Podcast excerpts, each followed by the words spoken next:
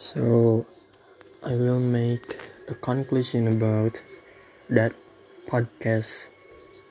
So, the podcast is about woman who created an application called Homeworks that will help student or teenager with their homework. Her idea created these apps is because she was so busy with her work and beside that she wants to help her son with his homework so she made these apps for help her son and another student. This application also brings student and teacher together online. Then they can sign up with online method and it don't waste too much time.